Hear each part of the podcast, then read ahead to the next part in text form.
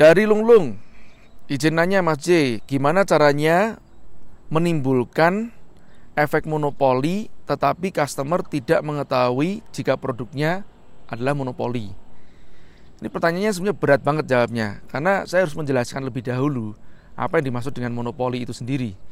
Nah, pada dasarnya dalam bisnis ya ataupun perdagangan jarang banget kita bisa menemukan monopoli murni. Kecuali ada aspek-aspek tertentu yang memang harus dipenuhin. Ini contohnya ya, kalau bisa kan terjadi suatu monopoli pun itu nanti akan ada yang disebut namanya produk substitute atau produk pengganti yang bisa menyelesaikan masalah yang serupa. Saya ambil contoh begini deh, Anda mau memonopoli semua uh, supply pisang yang ada di Indonesia, tapi kan orang tidak harus berbicara masalah makan pisang doang gitu loh. Mungkin dalam kategori pisang ya atau makanan yang berbentuk pisang, Anda bisa memonopoli. Tapi apakah orang hanya harus makan pisang saja sih? Nggak ada pilihan yang lain untuk snacknya, untuk gorengannya kan masih ada tahu petis atau tahu isi, ada uh, keripik-keripik singkong. Nah, ini juga disebut namanya indirect competitor atau produk substitute yang memberikan solusi yang serupa.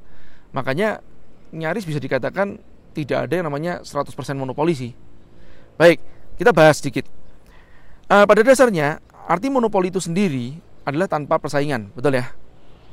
Nah, hal ini sebetulnya bisa terjadi jika yang pertama nih pasarnya belum terjamah oleh kompetitor. Ini artinya uh, Anda menjadi yang pertama, ya. Ini kata-katanya kan belum ya. Jadi bukan berarti tidak. Kalau Anda menjadi yang pertama, bisa besar kemungkinan memang tidak ada kompetitor pada saat itu.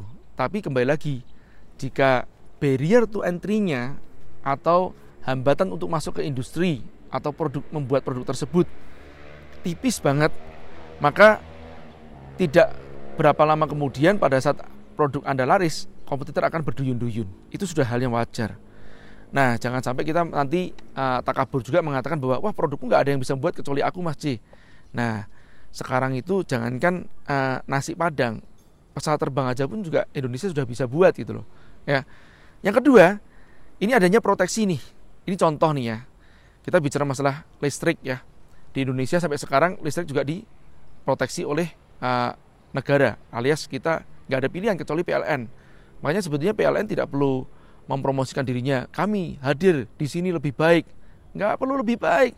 Yang kita nggak ada pilihan kok kecuali PLN. Ya.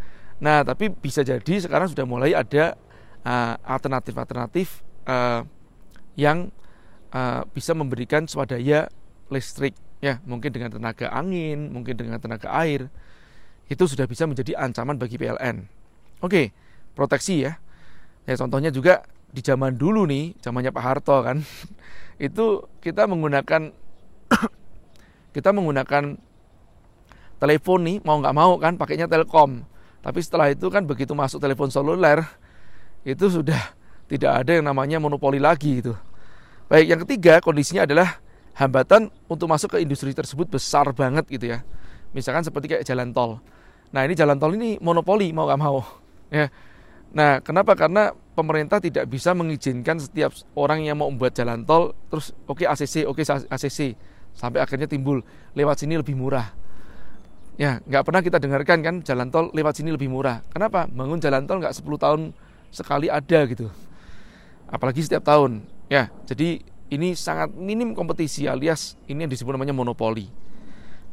Oke, yang keempat uh, diferensiasi yang sangat kuat ya. Uh, ini dikunci dengan brand tentu aja. Contohnya seperti Windows zaman dulu ya. Saya katakan lagi zaman dulu ya. Sekarang sudah mulai banyak kompetitor-kompetitornya. Apple ya, termasuk Apple ini pun juga dulu melakukan praktek-praktek monopoli Bahkan Steve Jobs itu pernah mengatakan kepada uh, Bill Gates pada saat Apple itu nyaris bangkrut. Nah, apa yang dikatakan oleh Steve Jobs kepada kepada Bill Gates? Eh Bill, kalau lu nggak bantuin gua nih, lu akan kena undang-undang monopoli gitu kan. Kenapa? Karena Windows akan jadi the only one. Nah, tapi pada saat Apple itu hidup ya, Windows tidak terancam undang-undang monopoli. Jadi jangan kaget kalau Apple pun akhirnya sahamnya sebagian dibeli oleh si Bill Gates. Baik, yang kelima uh, adalah paten. Ya ambil contoh nih ya, resleting nih. Resleting itu paten pertamanya itu dipegang oleh YKK.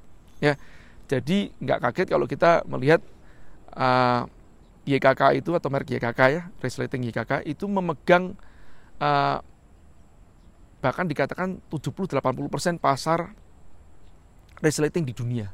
Cuman buat resleting doang saja ya. Nah, permasalahan sekarang itu paten-paten seperti gini sudah tidak uh, berarti ya di Cina gitu kan karena orang buat resleting, buat jiplak apa pun itu sudah jangankan resleting gitu kan. Uh, iPhone aja sudah mulai bisa di cloning sama mereka gitu kan. Jadilah seperti Xiaomi. Meskipun tetap tidak bisa plug dengan iPhone karena iPhone mengunci di operating sistemnya. Baik, nah kembali lagi ke pertanyaannya Lung nih. Pada dasarnya Lung, sebetulnya customer itu nggak peduli masalah praktek monopoli. Yang dipedulikan oleh customer itu, apakah kita bisa memberikan solusi uh, buat mereka atau kita bisa memuaskan si pelanggan itu sendiri. Itu yang paling penting buat si customer. Jadi tidak penting bagi customer ini apakah monopoli ataupun tidak. Dan itu harus memuaskan customer. Jangan sampai nanti eh listriknya mati-mati terus. Ini meskipun monopoli kita nggak ada nggak ada persaingan tapi juga adanya sumpah serapah juga kan. Ini mati terus mati terus kan begitu. Ya. Coba begitu ada pesaing, wah langsung pindah ke lain hati kan begitu. Ya. Nah, yang peduli itu sebenarnya siapa sih? Kompetitor itu aja. Jadi kompetitor nanti akan peduli terhadap yang namanya praktek monopoli itu sendiri. Oke, nah sekarang uh, menjadi suatu pertanyaan nih, ini sebagai renungan buat kawan-kawan semuanya. Katakanlah kita ini uh, membangun usaha kemudian awalnya nih be the first ya kita menjadi the first. Kemudian karena saking larisnya produk kita, eh ada kompetitor yang masuk. Apakah kita harus mematikan kompetitor itu sendiri? Kalau buat saya, saya akan melihat si kompetitor ini siapa Ya, kalau komputer ini melakukan praktek-praktek yang tidak baik, termasuk juga dia tidak mensejahterakan karyawan. Buat saya yang seperti gini boleh nih, ya. Saya uh, bersaing dengan dia, ya, untuk mungkin ya tanda petik gitu ya, mematikan kompetitor atau mungkin mengeliminasi kompetitor. Ya, kalau dalam bahasa marketing disebut namanya obsoleting existing competitor. Nah, tapi saya akan melihat kalau perusahaan ini ternyata meskipun dia kompetitor saya, tapi perusahaan ini bagus, menebar kebermanfaatan sekitarnya, kemudian dia juga punya karyawan, karyawannya disejahterakan. Kenapa saya harus menganggap dia sebagai kompetitor ya? Ya, kenapa? Harusnya saya bersyukur berterima kasih. Kenapa? Karena dia juga ikut membantu mensejahterakan orang lain, membantu menebar manfaat bagi orang lain. Nah, saya tidak akan menganggap yang seperti ini sebagai kompetitor. Ya, bahkan kalau perlu, yuk kita merger, ya kita sama-sama. Kalau pun tidak merger, saya yakin banget adanya kompetitor itu ada sesuatu yang bagus apa? Memperbesar market size. Jadi pada saat saya monopoli sendiri, market size saya mungkin satu juta orang. Pada saat saya ada kompetisi, itu market size saya akan melebar. Ya, satu juta orang, 100% saya miliki. Kalau melebar menjadi 5 juta, 50% saya miliki jadi dua setengah juta dong. Ya, meskipun saya bagi dengan dia juga setengah setengahnya, dua setengah jutanya. Kalau ada tiga dua kompetitor yang lain atau kita bertiga dan menjadi 30 juta, kita menjadi masing-masing mungkin katakanlah sepertiga aja lah, anggap sama. Kita menjadi 10 juta, lebih bagus gak dibandingkan satu juta. Nah, jadi nggak usah takut masalah kompetisi. Kompetisi itu kadang-kadang dan lebih banyak bagusnya dibandingkan tidak bagusnya ya kecuali kompetisi yang tidak sehat.